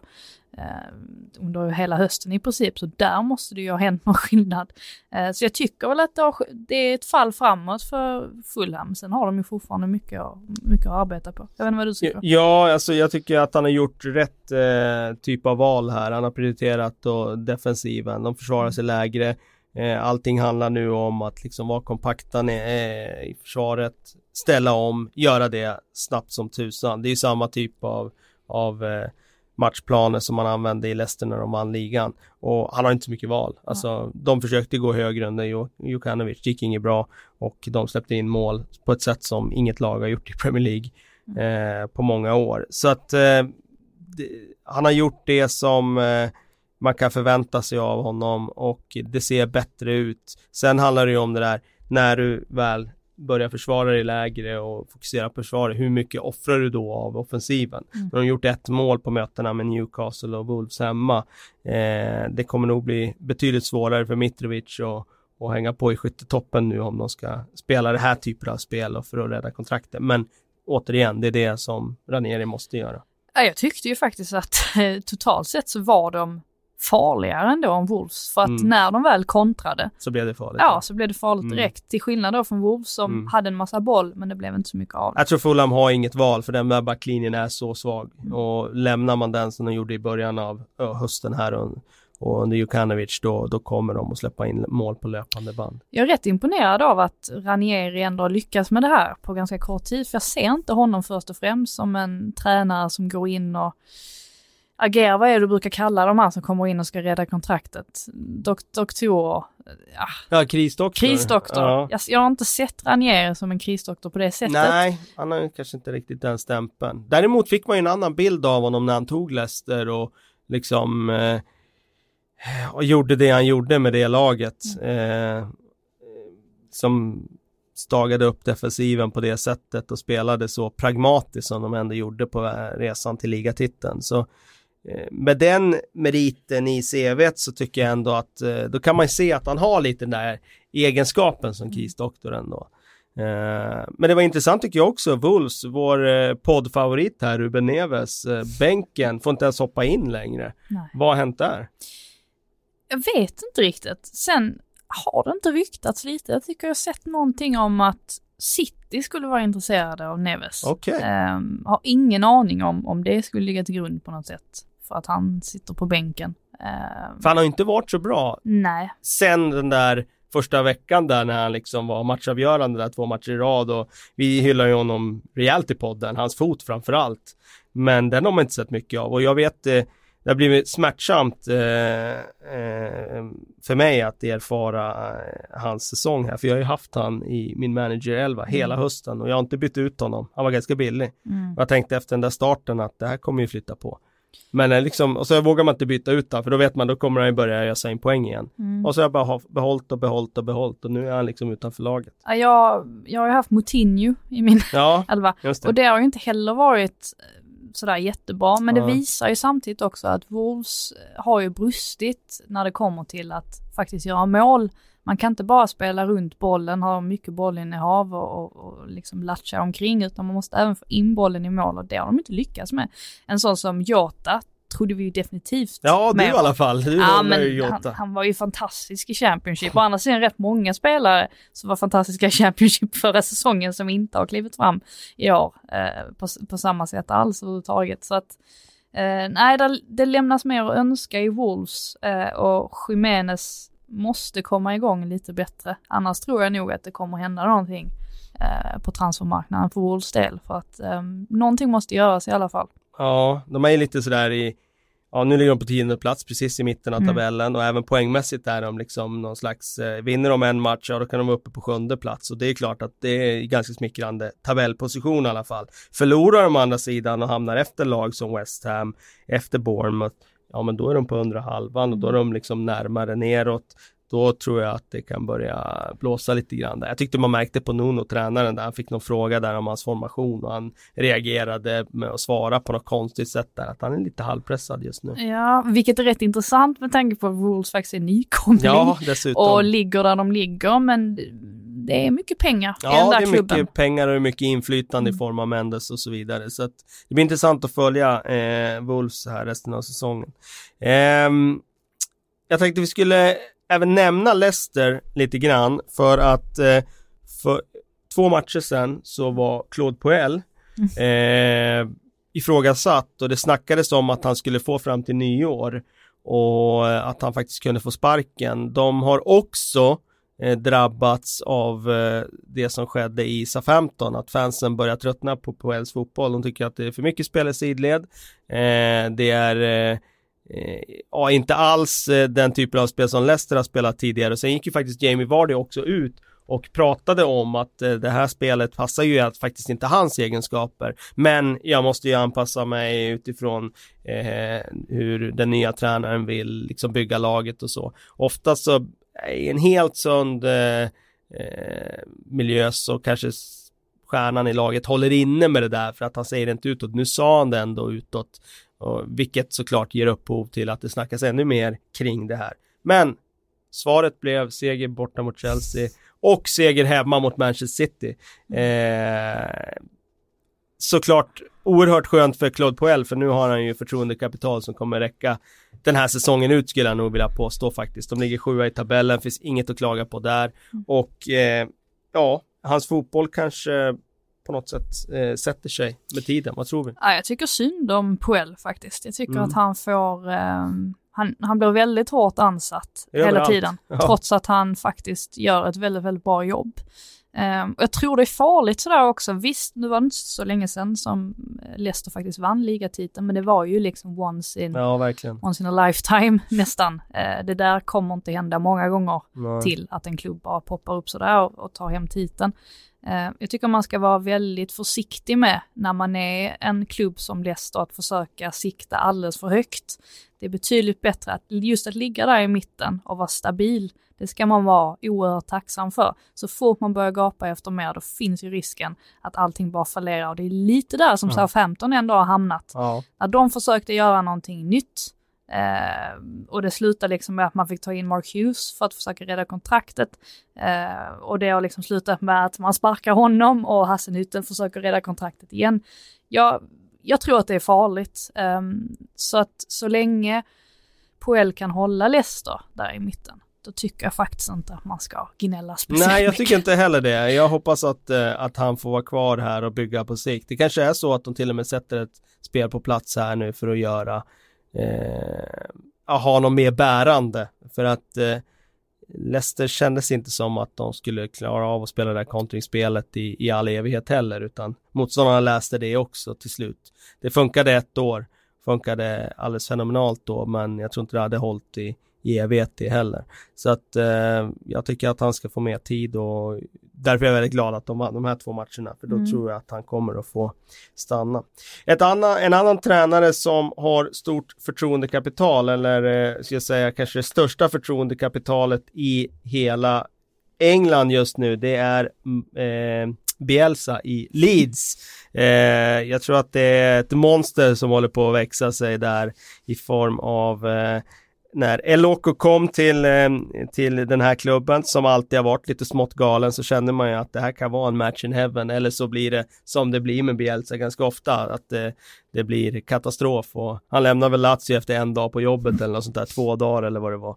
Eh, och eh, det finns ingen mellanting när det gäller den mannen. Men just nu är det Leeds som toppar Championship och de har alltså svarat för två helt ofattbara vändningar Eh, först eh, vände man borta mot Aston Villa 0-2 till 3-2 och nu vänder man på tilläggstid genom två mål av Roof mot Blackburn. Eh, Leeds snart på väg tillbaka till Premier League. Jag undrar vad blodtrycket är hos eh, Leeds-fansen alltså efter den där veckan. Eller det var ju tre dagar till och med. Två sådana matcher på tre dagar.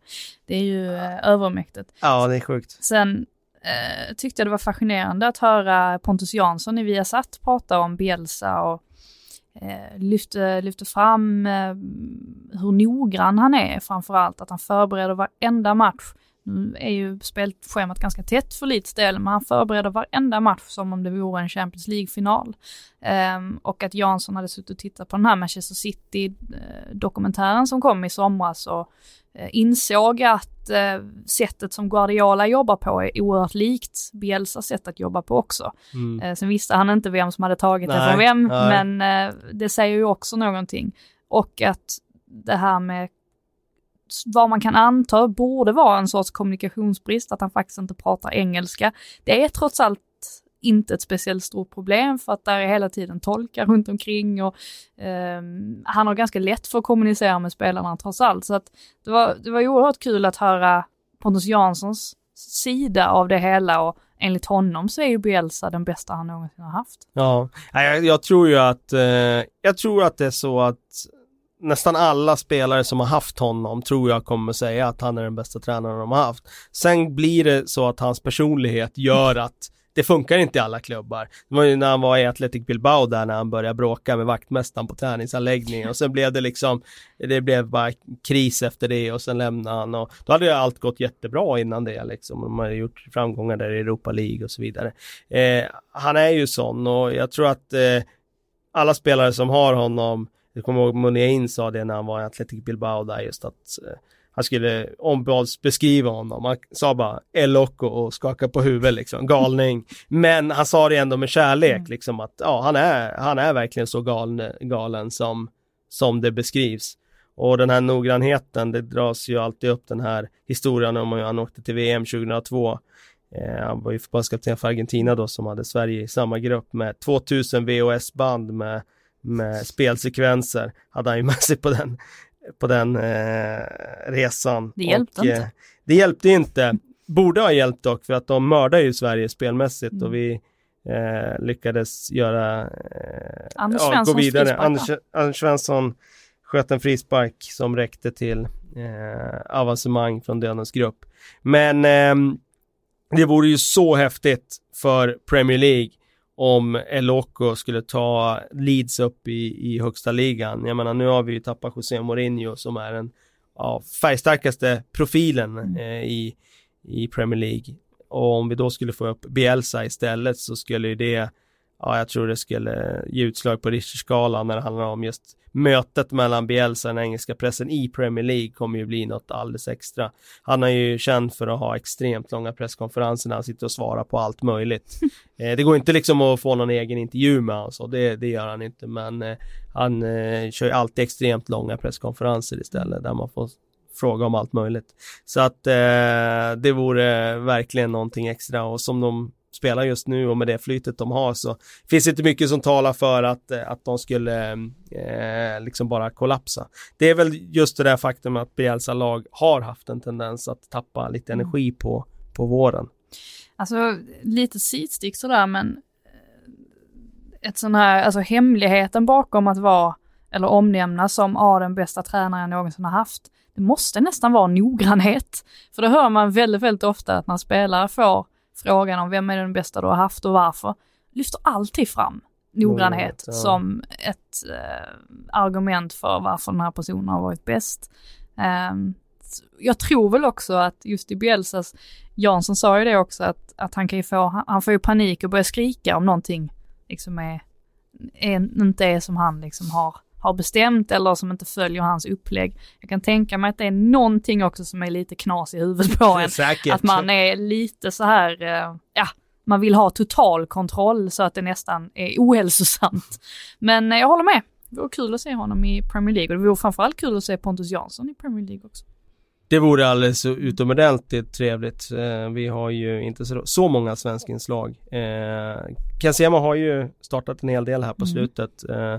Eh, men vi vill självklart ha fler blågula inslag i Premier League. Eh, vi har snackat rätt länge, men jag tror att vi hinner med några frågor. Jag tänkte att du skulle få motivera din elva, för det vill du gärna göra. Vi fick ju faktiskt i uppdrag här av cheferna. Det var ju faktiskt ganska länge sedan. Det var ju säkert två veckor sedan. Räcker det? Ja, ja, om det ens räcker. Där vi skulle ta ut höstens elva. Mm. Eh, det var du, jag, det var Erik, det var Simon Bank, det var... Eh, ja, det kanske var vi. Ja, psyk också. Ja, psyk också var det nog.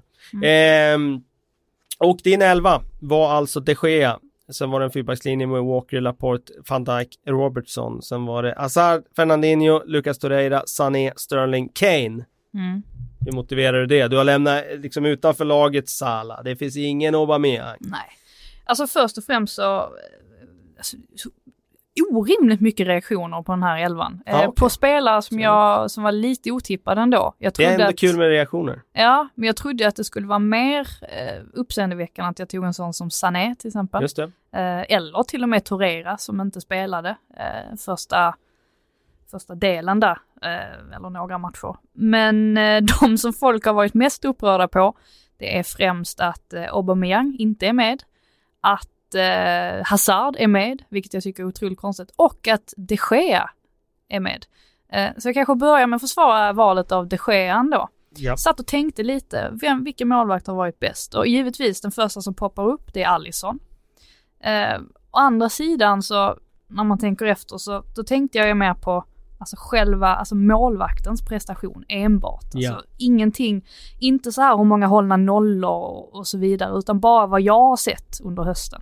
Och jag tycker väl att alla toppmålvakter i ligan har gjort några tabbar. Eh, Arisa Balaga har gjort några tabbar, Alisson har gjort några tabbar, Ederson har tabbat sig någon gång. Eh, de Gea har väl något ingripande som också var lite eh, tveksamt. Ja. Ehm, men jag tycker ändå att det är de Gea som har varit bäst. Eller jag, ja. och, Mm. och då motiverade jag det att han har varit bäst i United. Eh, enligt mig, eh, trots en skakig backlinje eh, och så vidare. Så jag Han har gjort matchavgörande räddningar lite Exakt. då och då också. Sådana här extremräddningar. Så är det. Eh, Så jag tycker inte att den uttagningen är Nej, jättekonstig ja, ändå. det håller jag med. Eh, Men du har ju lämnat ut, uh, utlämnat Salah här Mm. och du har utlämnat Aubameyang. Hur tänkte du där? Jag vet inte, det var ju, slängde mest ihop det i sista sekunden, men jag, jag tror jag motiverade som så att Sterling har varit eh, vital för Citys anfallsspel eh, stora delar av hösten. Eh, och att Harry Kane har varit vital för, för Tottenhams anfallsspel. Eh, mer än vad Aubameyang har varit eh, och till och med mer än vad Salah har varit för att det är så många runt omkring honom som också är viktiga. Sen, sen är det ju så, det, det finns ju bara 11, 11 platser. Så är det. Det är jättesvårt Så att ta det. ut en 11. Någon måste man rata. Mm. Sen nu, alltså hade jag fått göra om det, då hade jag nog tagit bort Sané faktiskt. Och satt in någon annan. Kommer inte på vem jag skulle ha satt in i så fall. Men eh, det är möjligtvis han, tror jag, som jag kanske inte... Son. är sån, mycket möjligt. Eh, sen får man inte bli för... Det är väldigt lätt att man bara baserar det på de senaste två veckorna också. Eh, nu måste man ju liksom ta ett grepp över, Över hela, hela. hösten. Den som jag kan köpa, jag fick också lite reaktioner, det är väl Alder då som har varit väldigt bra i Tottenham. Eh, som vi utelämnade i försvaret. Vi hade både du och jag hade Laporte och van Mm. Dijk i mittförsvaret. Eh, och jag kan väl känna också där att eh, hade jag gjort det här nu, idag, inte för två och en halv vecka sedan. Då hade jag nog tagit med Alde Fereld i det där försvaret för att jag tycker att han har stärkt sin liksom, status de senaste veckorna. Och min då spelare Kyle Walker som jag hade i en trebackslinje till höger har ju faktiskt försämrat sig med sin insats mot Ja. Crystal Palace här. Så att eh, Där hade jag också kunnat göra ett byte. Faktiskt. så där hade jag nog gjort ett byte. Sen kan man alltid diskutera om Silva och Silva som var med i min elva här eh, ska vara med. Man kan ha, man kan ha andra spelare där. Ja, du får räkna upp din... eh, din Ja, alltså min elva var ju inte ens fullständig eftersom Nej. jag hade tagit ut 10 spelare istället för 11. Jag har lite problem med, med huvudräkningen. eh, och det borde väl kanske eh, Någon har upptäckt. Ja, kanske det och kanske borde jag själv upptäckt det också. Det var väl bara så att det föll bort ett namn. Jag, jag hade ju tänkt att vi skulle ställa upp en 3-5-2 med två forwards. Eh, men mitt lag var då Ederson i mål. Eh, jag tror också kanske att jag hade reviderat det till, till Gea nu Mm. om jag hade tagit ut det idag. Sen hade jag Walker, van Dijk, Laporte i backlinjen. Sen hade jag en, en, en defensiv mittfältare Fernandinho. Sen en offensiv fyra med Sterling, Silva, Silva, Hazard och så två forwards då, Salah och Harry Kane. Och Kane hade fallit bort i, i eh, det laget som lades ut på sajten. Mm. Men ah, jag känner inte att jag behöver motivera så mycket. Jag tycker att eh, det går att liksom eh, vända hit och dit på saker och ting. Aubameyang har ju varit jättebra för Arsenal, har gjort mycket mål, men jag tycker Salah gör mer i spelet. Jag tycker Kane gör mer i spelet, förutom mål och därför valde jag dem. Alderfereld hade jag plockat in idag om jag hade fått den möjligheten. Men det Mm. går inte att backtracka på sådana grejer utan det har det lagts ut på sajten, då ligger det där. Ja, ja, och jag är otroligt imponerad av hur många som, eh, som orkar engagera sig också. det är cred till er, Ja. absolut. Vi hinner med några korta frågor innan vi eh, packar ihop. Vad säger emot att Tottenham kan vinna ligan under Mille Turesson? Är det inte samma gamla svar som vi alltid ger? Vad är det då? Kort, Um, för tunn trupp? Ja, Men håller det fortfarande då? nej, jag vet inte. är det inte också att Ja men det är väl utgångsläget då, att de är, Ja. trots att det är några poäng efter Liverpool. Och har man råd att förlora så många matcher nu. Klopp, jag tror att han överdriver lite grann när han säger det, men han, säger, han pratar ju om 105 poäng. Mm. Jag tror att de ändå känner att ribban höjs verkligen jämfört med tidigare på hur mycket man har råd att um, Alltså man har inte råd att tappa så många poäng om man ska ta den där ligan. Nej. Kanske inte så, egentligen var det kanske inte speciellt bra att de gick vidare i Champions League. Nej, Eh, jag tror ju i och för sig att det blir väldigt tufft där och att det finns Mm. stor risk att de ryker där. Och då kan de fokusera. Ja, vi får se. Det är liksom Vilka en var de fick nu igen? Dortmund. Jag ja, just det. Mm. Jag tänkte fel. Jag tänkte ju på Liverpool. De kommer ryka. I Du tror Champions- det? Ja, jag tror de ryker i Ja. Champions League och surfar vidare och tar hem ligan. Trots att Bayern München har skakat. Ja, men jag tror det. Jag tror på min teori där, du vet. Antingen Ja. går man bra i ligan eller så då, då kommer eh, Bayern eh, liksom bara sprattla till i CL Mm. istället. Ju... Inte vinna, men ta sig förbi den omgången. Jag trodde ju inte de skulle gå vidare från gruppen ens. Så att Nej. jag, eh, Nej, du ser. ja. Men det är den, jag har samma teori Ja, som du dig. ser. Det här blir en fråga till dig. Får vi höra vad du har för Oj. teori kring det här. Har det inte blivit lite tyst från Frida om sin favorit Sörlott under Fredrik Borg? Det där var ju... Eh, det där höll inte länge alltså den. Eh, Det, det är Han var vissa- het där ett tag. Han var het.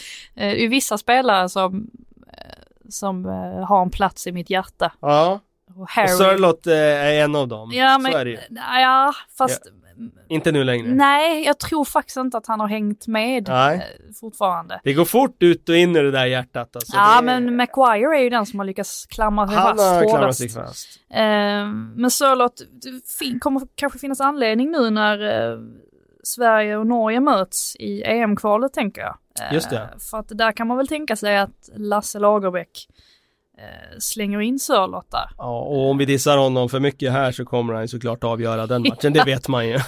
ja, nej men exakt.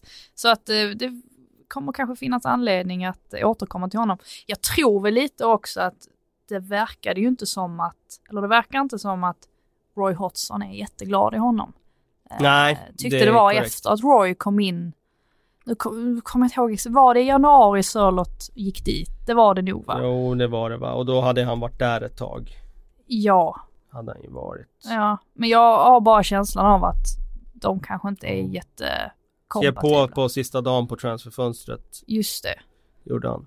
Ja. Och han gjorde ju några bra inhopp där, men jag håller med dig om att eh, jag tror att eh, i, i Roys bok så tycker han att han är ganska begränsad. Ja, det är lite samma med Erdal Rakip där också. Roy, Roy tog inte ens ut honom när han hade en skadelista som var längre än Ja, den var ju, var ju hur lång som helst men ändå var Rakip inte med. Alltså Ja, han är det väldigt, jobbigt han är ganska tydlig med att antingen gillar han att spela så gillar han inte. Men vi får se, Sörlott kanske sprattlar till helt plötsligt och blir hur bra som helst. Vi tar den här också. Shakiri är i säsongens värvning undrar Jörgen Olausson. Du, jag satt och tänkte på en grej, kommer du ihåg eh, när vi körde mm, deadline day och jag hade gjort en lista på vilka jag trodde skulle bli år, eller, Årets värvningar. årets värvningar. Hade. Jag hade med Shakiri på den listan Ja. och jag minns så väl Att vi sågade det. ja, ja. att jag mötte på Ja. mycket motstånd. Eh, så jag känner att eh, absolut, jag tycker att Shakiri Ja, är en av de bästa värvningarna. Jag hyllade Inte ju... Torreira. Ah, jo, Torreira var ju med på den listan också. Ja, ja, men vem är bäst? Vem är säsongens värvning hittills? Ja, men det är ju jättesvårt då. Rui Patricio i Wolves. Ja, okej, du håller på honom fortfarande. Ja. Ja, jag skulle säga Det är Torreira. svårt. Det är. Eh, och sen skulle jag kanske ha Shakiri som god tvåa på en sån lista. Eh, båda har ju dock eh, gett väldigt bra eh, alltså värde för pengarna. Mm. Båda väldigt eh, prisvärda. Så det är bara att lyfta på hatten där för ytterligare en bra värvning från Liverpool. Deras transfer, transferkommittén. Eh, vi hinner ta två frågor till här, sen tror jag vi packar ihop dagens podd. Silvas matchplaner, defensiv fembackslinje mot Burnley och en fyrbackslinje utan defensiv mittfältare mot Spurs. Borde han inte kunna syna sina motståndare bättre? Och ha bättre koll på sitt eget lag, undrar Mårten Everbrand. Det är en fråga för dig. Ja, jag kan ta den själv då. Jag eh, håller med Mårten här om att han borde kunna syna motståndarna bättre. Han borde ha bättre koll på sitt eget lag. Jag tyckte det var ett väldigt naivt lag han ställde ut mot, mot Spurs och det kostade ju också eh, honom rejält där. Sen är det väl den där frågan med Marco Silva om han någonsin kommer att kunna få ordning på defensiven. Mm. Eh, juryn är fortfarande ute och dividerar där. Jag vet faktiskt inte. Eh, vi har ju sett honom som en väldigt lovande och spännande tränare här under ett par år och inte minst eh, han som sitter i den här stolen jag sitter i här idag. Patrik Syk har ju faktiskt ofta Marco Silva lanserar ju honom Orimligt mycket. Ja, orimligt mycket ska jag säga. Ofta tidigt på säsongerna Ja. också. Och sen blir det lika tyst där som det blir i ditt fall när det gäller Sörlott. Att sen när det radas upp förluster då, då kör Patrik Syk en, eh, en struts och stoppar huvudet i sanden. Men eh, jag- vet faktiskt inte om han kommer att få ordning riktigt på eh, defensiven. Eh, nu var det ju faktiskt intressant att Richard Lisson var ju på bänken här nu. Eh, och ehm, eh, det är väl naturligt såklart att man roterar när det är så tajt matchande men eh, att de då svarade upp så bra utan sin bästa offensiva spelare. Din är ju ett annat bra sommarfråga. Verkligen alltså. Eh, nu skruvar han in en ny frispark.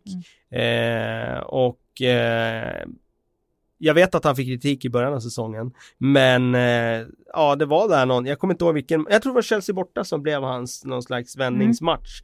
Jättebra i den matchen och sen dess tycker jag att han har gått från klarhet till klarhet och Mm. varit eh, eh, ja, ligans näst bästa vänsterback efter eh, kanske efter eh, Robertson under andra halvan av hösten så att säga. Kanske läge för Silva också att plocka in någon hjälp utifrån med defensiven. Eller Ja. hur gärna vill man göra Ja. det som tränare? Ja, det, det, det tycker jag är en sån där grej som man måste ju veta sina egna styrkor och då måste man ju göra det som är bäst för laget och då måste man ju se att ja, det här kanske inte är min styrka, då måste jag ta in den eh, kunskapen utifrån.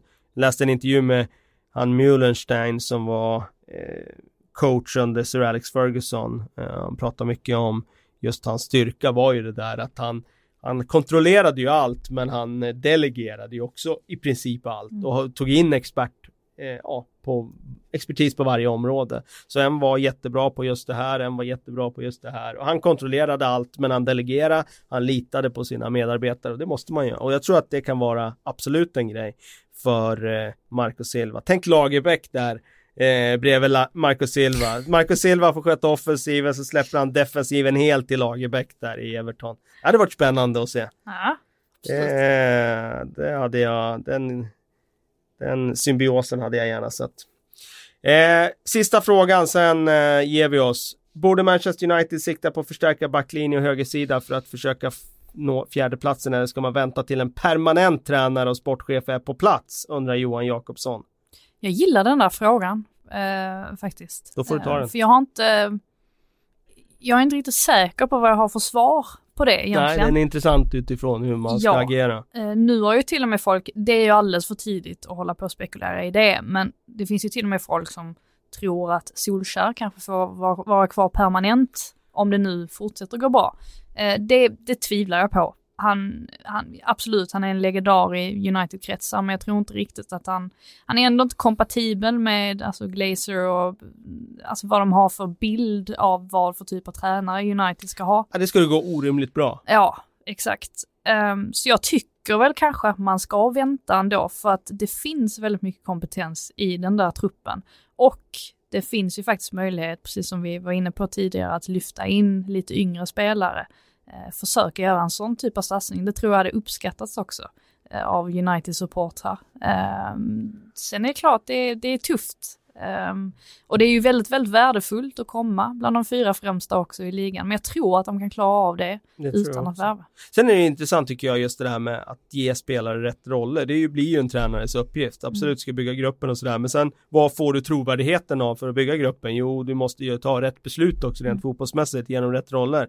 Nu får Victor Lindelöf spela den typen av fotboll som han är bäst på att spela. Det vill säga han får ta ansvar för uppspel och så vidare.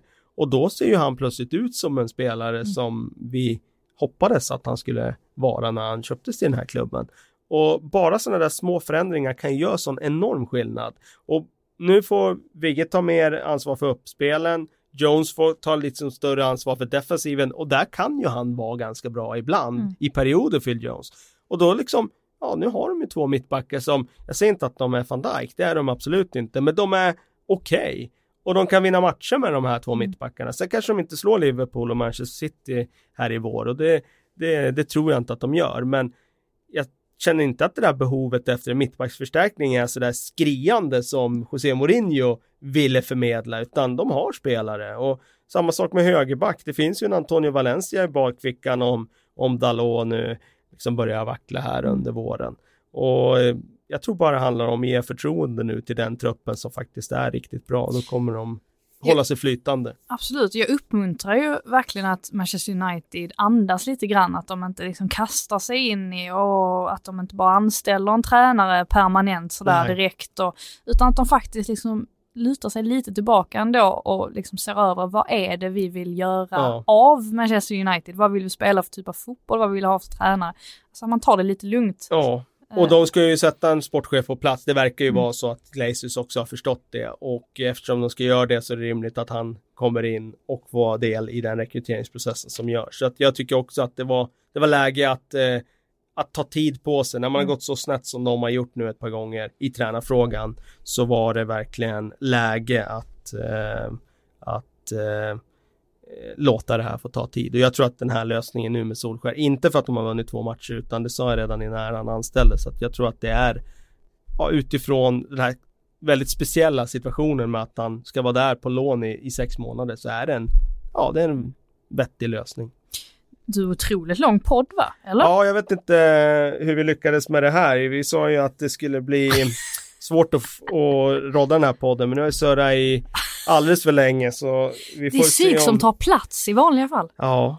Nu Han håller tillbaka oss. Ja, nu liksom var det som, det är precis som när, när man spelar under José Mourinho och sen går till ett lite lösare ledarskap. Nu hade vi ingen ledare på plats här, då fick vi spela under frihet och då spelar vi ut hela vårt register. Ja. Precis som Manchester United har gjort de senaste två matcherna. Eh, vi hinner inget mer för att vi har vi surrat hann. tillräckligt. Vi, Mm. Det var faktiskt allt vi hann. Nu har vi testat det här också Frida. Du och Mm. jag satt ensamma i sulken här och eh, körde i mål. Eh, nästa vecka tror jag att Patrik Syk är tillbaka och då har vi mer Premier League-fotboll att snacka om. Ha det så bra så länge. Vi hörs vidare.